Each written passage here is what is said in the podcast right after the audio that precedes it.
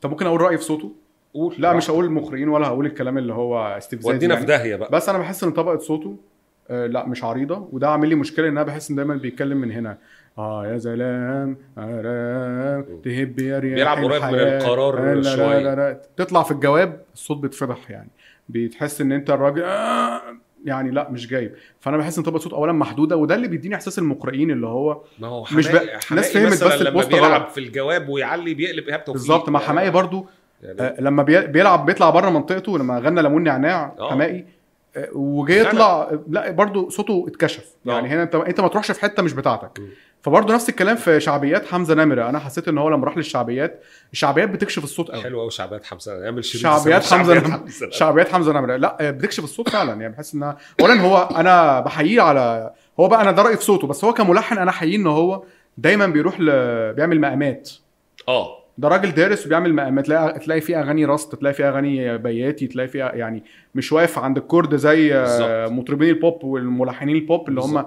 يعني إيه منقوعين في في برميل chord كده آه. بيطلعوا منه كل شوية ما لا حمزة نمرة ده في كملحن بيطلع بقى مقامات وبيديك ألحان زي رغم إن أنا ما بتعجبنيش ألحانه رغم إن أنا عندي تحفظ أصلا على فكرة إن هو الألبوم من الجلدة للجلدة ألحان حمزة نمرة يعني أنت عندك زي ما قلنا قبل كده عندنا ملحنين اللي هم أصلا آه، أو هم آه، مطربين اتحولوا لمغنيين زي رامي صبري زي تامر عاشور زي رامي جمال كل دول كانوا أذكياء قوي في حتة إن أنت ما تروح تغني انت ملحن وعظيم وكل حاجة وعندك موهبة التلحين بس الألبوم ما يكونش كله بطعمك. عشان ده برضه برضه يعني هيزهقني. انت آه. انت انت ملحن وجامد. أنا بقول لك حمزة نمرة راجل في المزيكا فاهم مزيكا ودارس مزيكا وبيعرف يلحن. بس الطعم الطعم كله آه، حمزة نمرة ده مش حلو في ألبوماته. ولذلك زي ما قلنا إن دايما في كل ألبوم ليه هي أغنية واحدة اللي بتضرب اللي هي بتبقى داري يا قلبي مش عارف إيه آه، فاضي شوية. باقي الألبوم ما بتسمعش كويس لأن أنت مش بتنوع الحالات. فيعني أنا برضو مع مش عارف هو ليه متمسك بفكرة إن هو اللي بيلا هو بس اللي بيلحن.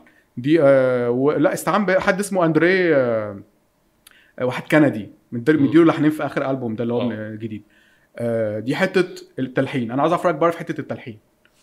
أنا شايف إن هو عنده تنوع في الألحان اللي بيقدمها. يعني ألحانه م- مش واقفة في مقاميا؟ مقاميا في تنوع. لكن كأفكار. آه، أفكار اللحنية هي أغلبها شرقي.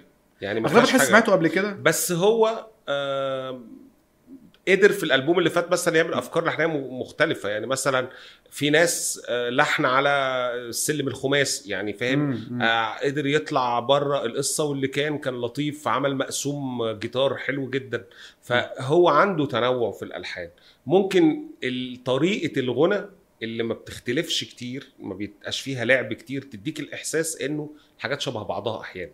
يعني مم. عارف انت في مطرب بيعرف يلون صوته لآخر مدى يشخصن صوته في طرق مختلفة مم. وبأشكال مختلفة فيديك الإيحاء إن الألحان دي جديدة أو إن الأغنية دي جديدة لكن طب هو تفتكر لو حد لحن له غيره ممكن حكمنا على صوت على صوته يتغير ممكن جدا مم. يعني ممكن جدا إن هو لو لو خد لحن لحد تاني بس هو الفكرة هنا هل هو قابل مثلا لحن حلو أو هو جات له أغنية لأنه أنا أعتقد إن هو بيشتغل بطريقة الورشة إن هو بيجي له الكلام وهو بيلحنه هو أو هو بيعمل لحن فيروح لشاعر من الشعراء. اللي هم الدايرة بتاعته برضو ياخد منهم كلمات أو يخليهم يكتبوا على اللحن لكن هو مش زي المطربين التانيين اللي هو ملحن وشاعر أو ملحن جاب له لحن وجبنا فلان يكتب عليه وكده لأ مم. هو بيشتغل أكتر على فكرة التلحين إنه. إنه يجي له كلام ويلحنه طب التوزيعات إيه رأيك فيها بتاعته؟ كمزيكا من أول مش... مشواره لحد لا. يعني ما حصل ما, ما عملش طفرة موسيقية. يعني هو توزيعاته